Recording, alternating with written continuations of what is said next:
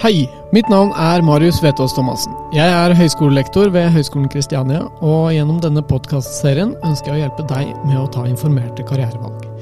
Jeg har selv vært eh, student over flere år og kjenner godt til følelsen av å ikke ha nok informasjon om hvordan en arbeidsdag kan se ut. Mange stillinger fantes ikke for bare 10-20 år siden, og her i Norge bruker vi mange stilige engelske stillingstitler som ikke alltid er så lette å forstå. Manglende kjennskap til arbeidslivet kan bety at man tar dårlige eller kortsiktige valg, og at bedrifter ikke tiltrekker seg riktige profiler. Vi ønsker å hjelpe studenter og andre med å ta informerte karrierevalg, og det skal jeg gjøre ved å snakke med personer om deres konkrete stillinger og arbeidshverdag.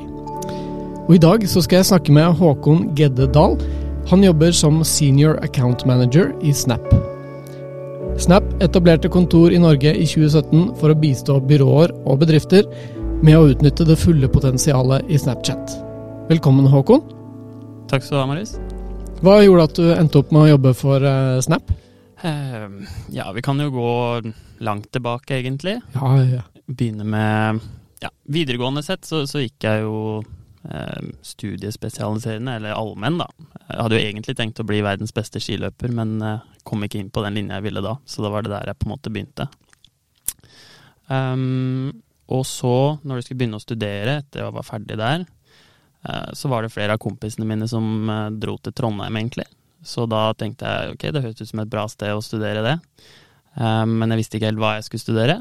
Så da falt det litt ned på psykologi, for det er jo et veldig interessant fag, egentlig.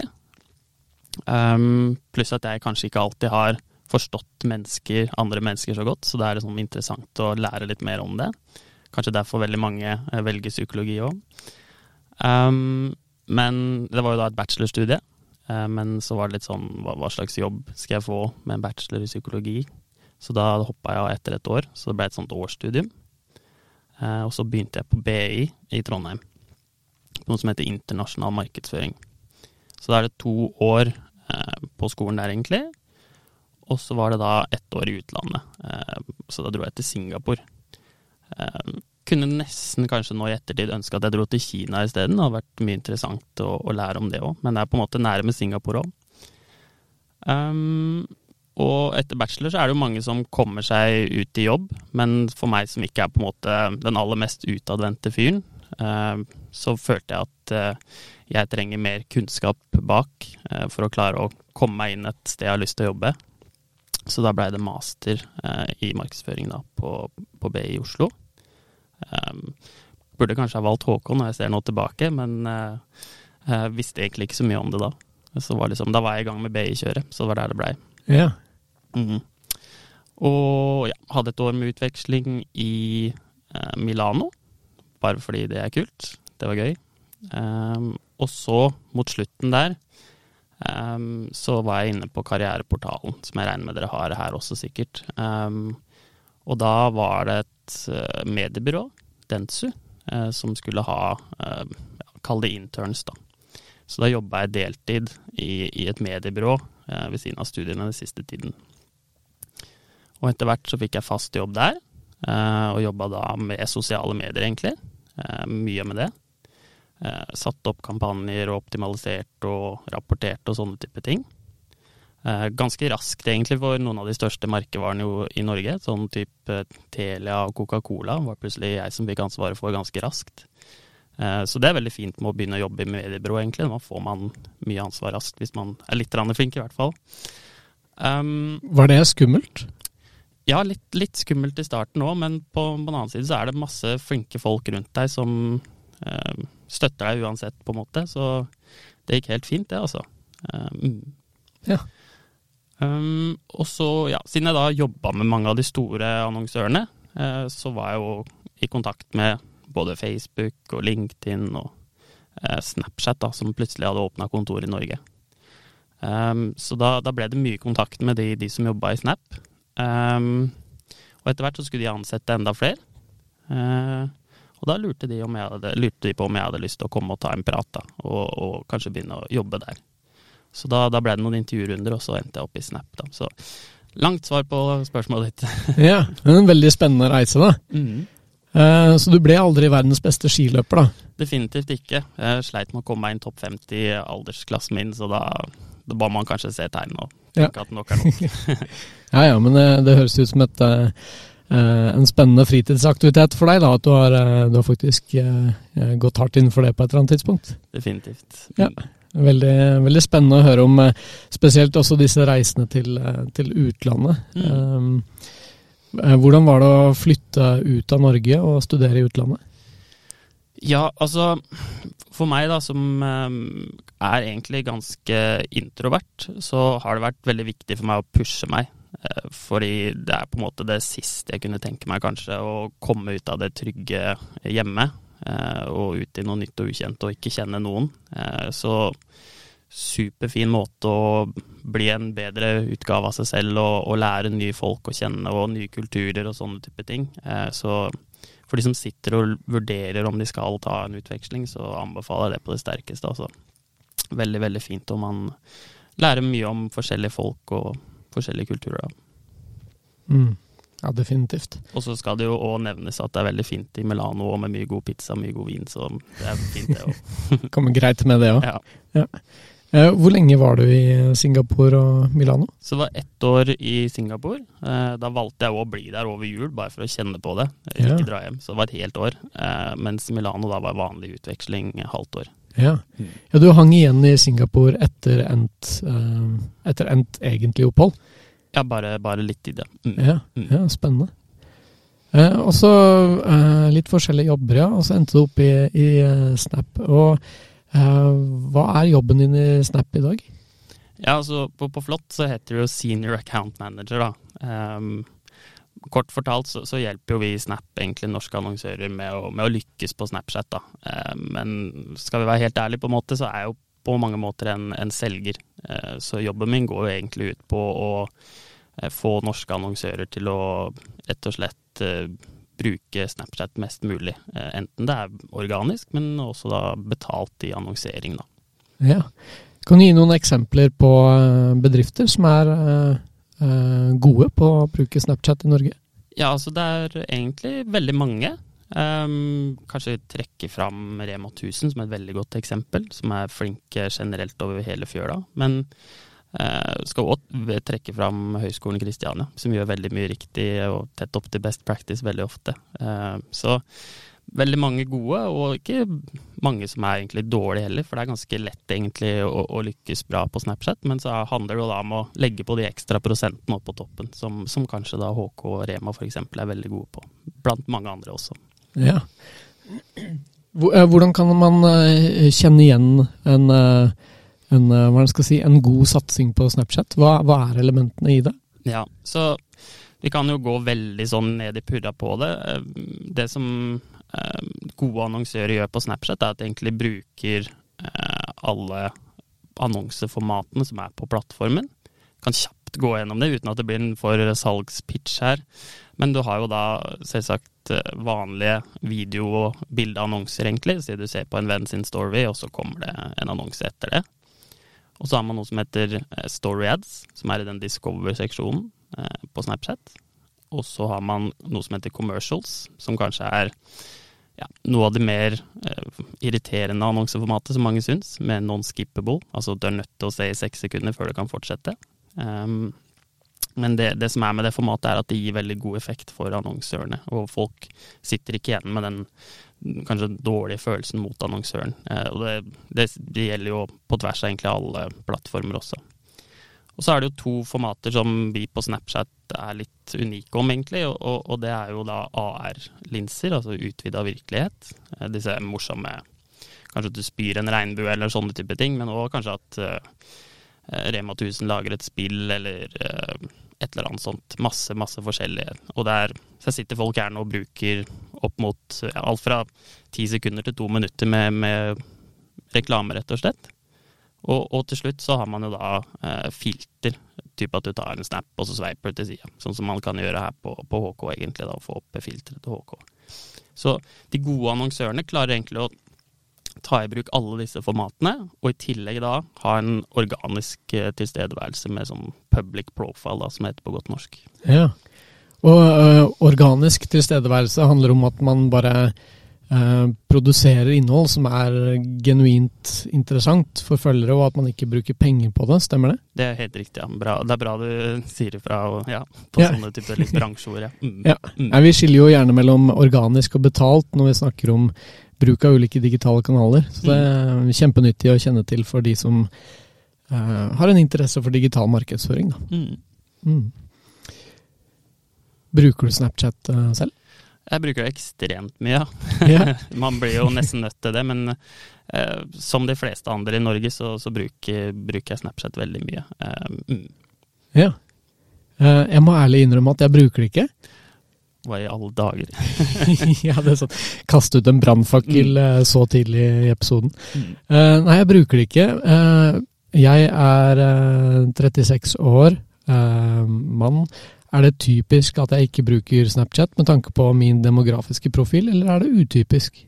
Kanskje i nesten alle andre markeder enn ja, Norge, Saudi-Arabia faktisk, og USA, så er det egentlig ganske typisk at du ikke bruker det. Mens i hvert fall da i særlig grad Norge, så bruker egentlig hele befolkningen eh, Snapchat. Selv om de yngste bruker kanskje appen aller oftest. Men de aller fleste er innom egentlig i løpet av en eh, gitt dag. Så det er faktisk Pass på å ikke selge altfor mye, men altså, det er jo faktisk da bare NRK og så egentlig hele metaporteføljen som treffer flere i løpet av en gitt dag. Da. Eh, jeg skal også innrømme at jeg, jeg føler at jeg er litt utypisk der. jeg føler at det er noe jeg går glipp av. Eh, og, og Meta, bare så fordi det er sikkert ikke alle som har fått med seg det ennå også, men eh, det er jo da Facebook. Mm. Og, men også de andre eh, kanalene som de styrer over, da, Instagram osv.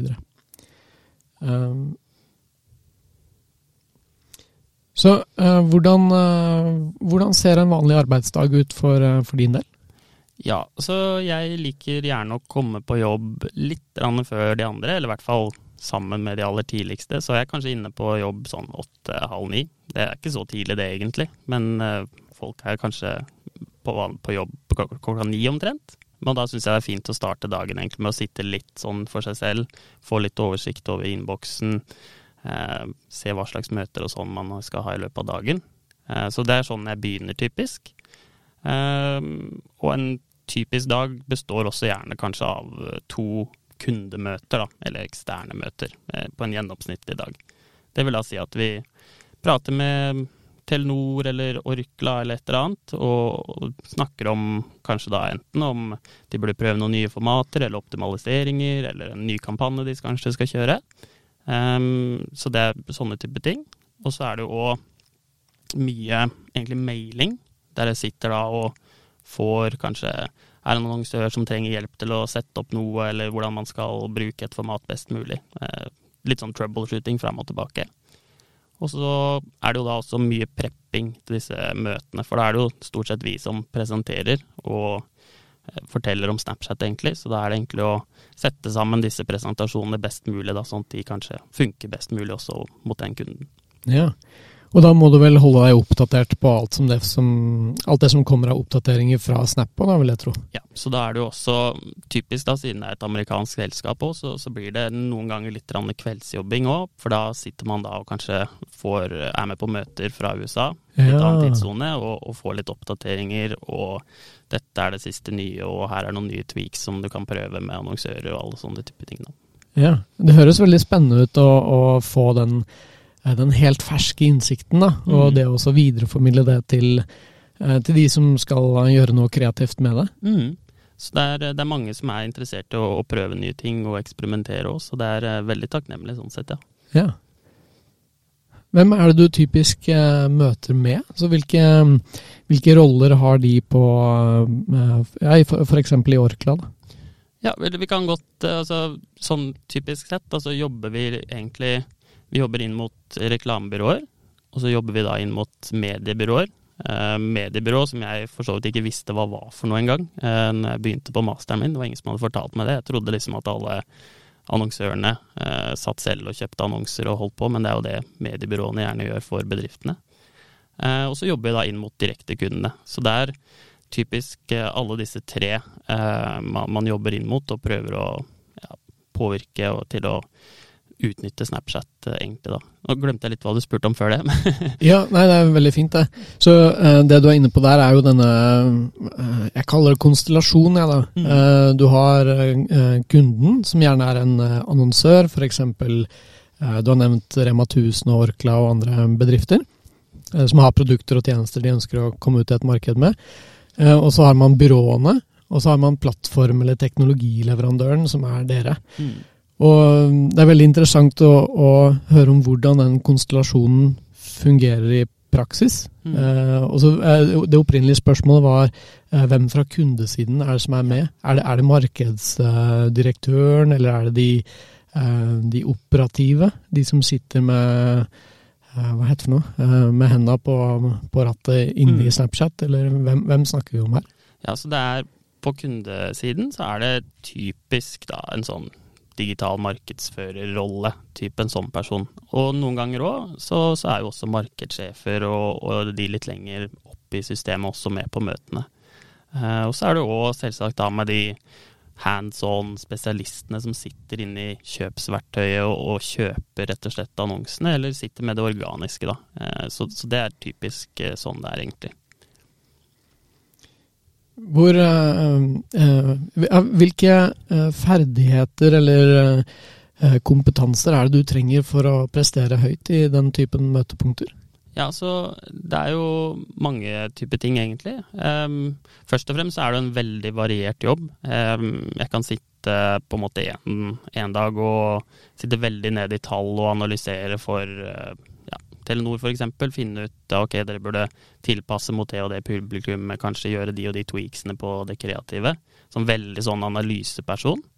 Um, samtidig så er det jo veldig mange annonsører man jobber med òg, så man må ha god orden, rett og slett. Og ha litt kontroll på den type ting. Um, ha, ha, rett og slett styring på, på hverdagen din. Um, så kan det òg være fint å være litt kreativ også, uh, fordi vi skal jo på en måte påvirke til å kanskje bruke AR og fortelle hvordan det kan brukes, og lage forslag til kundene. Eh, så har vi jo dedikerte folk til det også internt, men det er jo også fint at man kan litt om det. Um, og så er det jo, skulle man egentlig tro kanskje at det hjelper å være veldig utadvendt, men sånn som vi jobber, så har vi på en måte Vi jobber i to, eller en team av to, da. Så det har på en måte min rolle, um, som er litt mer den analyse- og ekspertrollen, på en måte. Og så har man en da mer tradisjonell hva skal vi si, medieselger, egentlig, da, som er litt mer den utadvendte personen.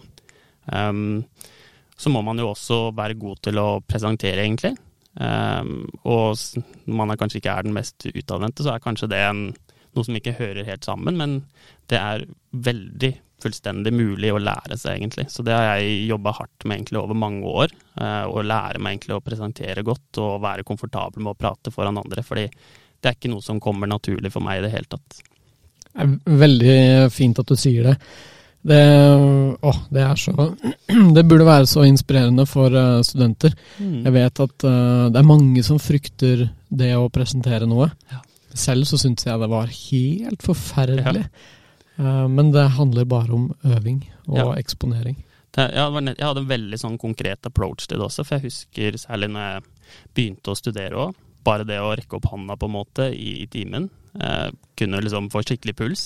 Eh, så da satte jeg meg et mål egentlig om om en lærer eller en foreleser spør om noe, så skal jeg rekke opp hånda. Altså i løpet av én gang i løpet av hver eneste time.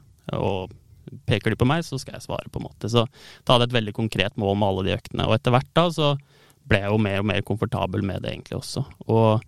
Og som en av grunnene til at jeg begynte å jobbe i Snap og syntes det var veldig interessant, er jo at da får man mulighet til å presentere hver eneste dag, egentlig, og utvikle seg på det området. Ja, ikke sant. Så spennende. Mm. Du nevnte også dette med å holde orden og styring. Eh, hvilke verktøy er det som er eh, viktig for deg å bruke i hverdagen for å sikre at du har eh, opprettholder det? Ja, altså Altså, du skal ikke undervurdere sånn to do-lister, egentlig, og, og, skrive ned ting. Uh, så nå har jeg eh, tatt i bruk uh, den Remarkable, har du hørt om det? Ja. ja sånn digital uh, notebook, egentlig. Som er veldig egentlig fin å, å bruke den egentlig til kanskje å ta notater i møter, men også da sitte og rett og slett ha en to do-list. da. Eh, så kunne på mange måter kanskje brukt en blokk òg, men det er litt kult å bruke det, den devicen også.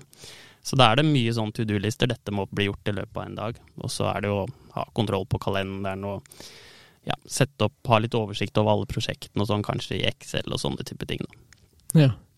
Så ikke noe sånn veldig konkrete verktøy, men uh, det handler nok litt om kanskje hvordan du er organisert i hodet også, kanskje. Jeg vet ikke. Ja. ja, verktøyene skal jo på en måte være en forlengelse av hodet ditt. da. Mm. Så det handler om å finne de verktøyene som passer, eh, passer ens eget hode. Ja, så jeg er nok en relativt strukturert person. Og kanskje et tips også til alle som studerer. Jeg vet ikke om det funker for alle, men sånn som jeg satt og studerte gjerne når jeg satt alene, eh, så er det Da jobba jeg i 50 minutter, eh, og så hadde jeg 10 minutter pause. Sånn jobba jeg hver eneste time. Og da var det liksom klink hardt på klokka. Så da, da, var det på en måte Det var en veldig fin måte, og da Når man har pause, så slapper man helt av, og når man jobber, så jobber man veldig hardt og ikke surrer rundt og prater med andre folk, da. Og det er en fin struktur, syns jeg, som funka veldig godt når jeg studerte, da. Interessant. Eh, hva var eh, favorittfaget ditt når du studerte?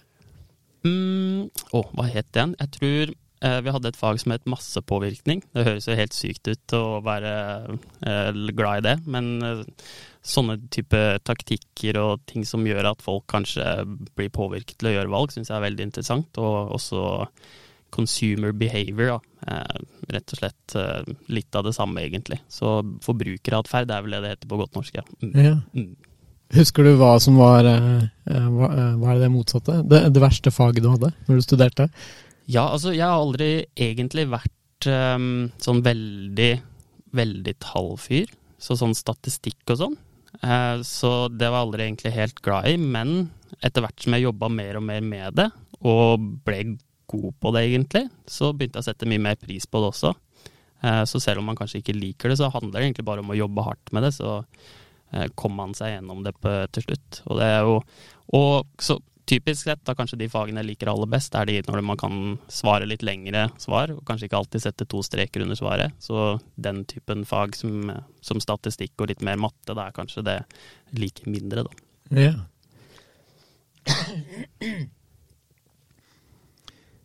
Hva var det eh, Så du har jo vært i, eh, i utlandet på utveksling og sånn.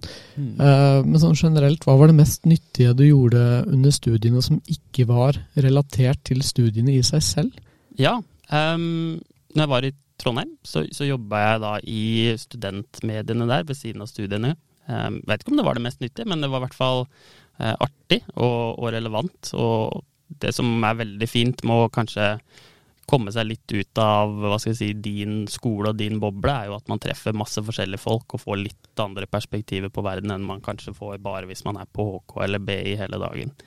Um, så da, da jobba jeg egentlig i studentavisa der, uh, og litt sånn i hva skal jeg si, markedsavdelinga, da. Men det er klart, det er jo fullstendig frivillig, og man får jo ikke noe penger for det. Men uh, når jeg ser tilbake på det i dag, så var det en veldig fin erfaring som jeg er vel glad for å ha med meg. Mm, det skjønner jeg godt. Frivillighet er jo veldig viktig òg, da. Så vi må slå et slag for det, er det ikke det det heter? Absolutt. Eh, Hva er det som er mest eh, utfordrende i jobben din? Eh, Ja, altså det, det som kan være litt utfordrende, er jo på en måte når eh, kundene, eller annonsørene, kanskje ikke kjøper argumentene dine, eh, og at du ikke klarer å overbevise sånn som du gjerne vil. Um, eksempel så er det veldig mange annonsører som kanskje sitter veldig fast i det som heter last click attribution. Altså at de eh, kun ser på salg som kommer direkte etter klikk. Eh, si at du ser en annonse, klikker på den, og så konverterer du eh, der og da. Mange tenker at det er sånn verden fungerer, men det er egentlig veldig få som ser en annonse og klikker på den og gjør et kjøp med en eneste gang. De aller fleste ser en annonse, kanskje de ser en annonse på Snap, kanskje en på Facebook og kanskje en på søk. Um, så kanskje det er søk til slutt da, som på en måte tar æren for den konverteringen. Men Snap og også Facebook har jo vært med på kundereisen der og påvirket også. Så veldig mange annonsører kanskje sitter litt fast i det at vi ser bare på den siste, og kanskje vi ikke gir like mye ære eh, til Ja. de som kanskje er litt da, lenger oppe i den tradisjonelle markedsføringstrakta. Da. Så Mm. det kan, det kan bli litt sånn frustrerte møter når folk sitter der og kanskje ikke ser verdien av å eh, påvirke litt lenger opp i trakta. Da. Ja, det, Veldig konkret eksempel, da. Men ja, dette er veldig kjent eh, eh, problematikk, eller eh, utfordring, da. Jeg, Mm. jeg hadde tilfeldigvis en forelesning om uh, bl.a. dette temaet i går. Mm. Eh, dette er jo noe som eh, jeg legger veldig vekt på i møte med mine studenter. Eh, for jeg mener at skal du jobbe med markedsføring i dag, så må du ha et forhold til attribusjon. Og Ja. det er et, et ord som har vært litt sånn fremmedord en stund, tror jeg. Mm. Men som kanskje begynner å synke litt inn nå. Mm. Så eksempelet, eksempelet ditt er jo veldig godt. Jeg, jeg pleide å snakke om Det er en bedrift som heter Varmefag, som lager peis. Mm. Eh, og de må jo også gjøre markedsføring. Mens, eh, men hvis man tenker gjennom hvor ofte kommer jeg til å kjøpe peis i løpet av et liv? Det er kanskje maks én gang, kanskje to ganger. Eh, og hvis eh, varmefag da skulle målt omsetning, eh, eller brukt omsetning som suksessfaktor på hver eneste kampanje de kjørte, så ville jo antageligvis markedsføringen virket ganske mislykket i det store og det hele. Mm. Og, og ja, det er jo det du snakker om, dette med trakta. da. At man gjør merkevarebygging, og så stoler man på at effekten kommer over tid. Mm. Kjempeviktig å forstå hvis man skal jobbe med digital markedsføring. Eller markedsføring generelt, da. Mm. Og så ja, En annen på en måte liten detalj rundt det er jo eh, Man kan jo si se en annonse og kanskje konvertere to timer seinere, når man kommer hjem på, på laptopen sin også. Og hvis man da bare sitter da i Google Analytics for eksempel, og ser, så ser det ut som et salg som kom eh, gratis eller organisk, på en måte, selv om da kanskje kanalen eh, påvirket til det, da. Eh, gjennom å bare være en visning. Eh, så der, Derfor er det viktig da å, å legge på sånne piksler og noe som heter conversions API f.eks., eh, som gjør at man klarer å måle dette helt riktig. da, Og ta, ta høyde for disse visningsbaserte konverteringene. Ja. Det jeg syns er veldig spennende med det temaet vi havnet inn mot nå, da, det er jo at eh, eh, hvis vi tenker gjennom hvilken bakgrunn du har, eh, som eh, hvis jeg forstår deg rett Du har tatt utdanning innenfor markedsføring, eh, internasjonal markedsføring, psykologi, eh, men ikke så mye teknologi. Nei. Mens innenfor dette feltet så er det jo teknologien som setter premissene. eh, og det er teknologien vi må forstå. Eh, ser du på det som eh, Ja, er det utfordrende for deg? Nei, egentlig ikke, for jeg kan være litt glad egentlig å, grave meg ned i å lære ting og forstå ting grundig. Så det, det syns jeg vel egentlig kanskje ikke, men kanskje man egentlig skulle ha trodd det. Men eh, for meg så har det gått egentlig veldig fint. Og jeg er nok også litt mer teknisk interessert enn kanskje enn mange andre også, da. Så det er en fin annen ting med, med min rolle også. Ja. Eh, er det noe eh, man burde investere tid i hvis man skal eh, jobbe med markedsføring i dag? Det å virkelig forstå teknologi. Er det nødvendig? Ja, det, det er nok det, men sånn eh, Det er nok det å klare å ha den teknologiske interessen, men samtidig òg ha det lille kreative genet også.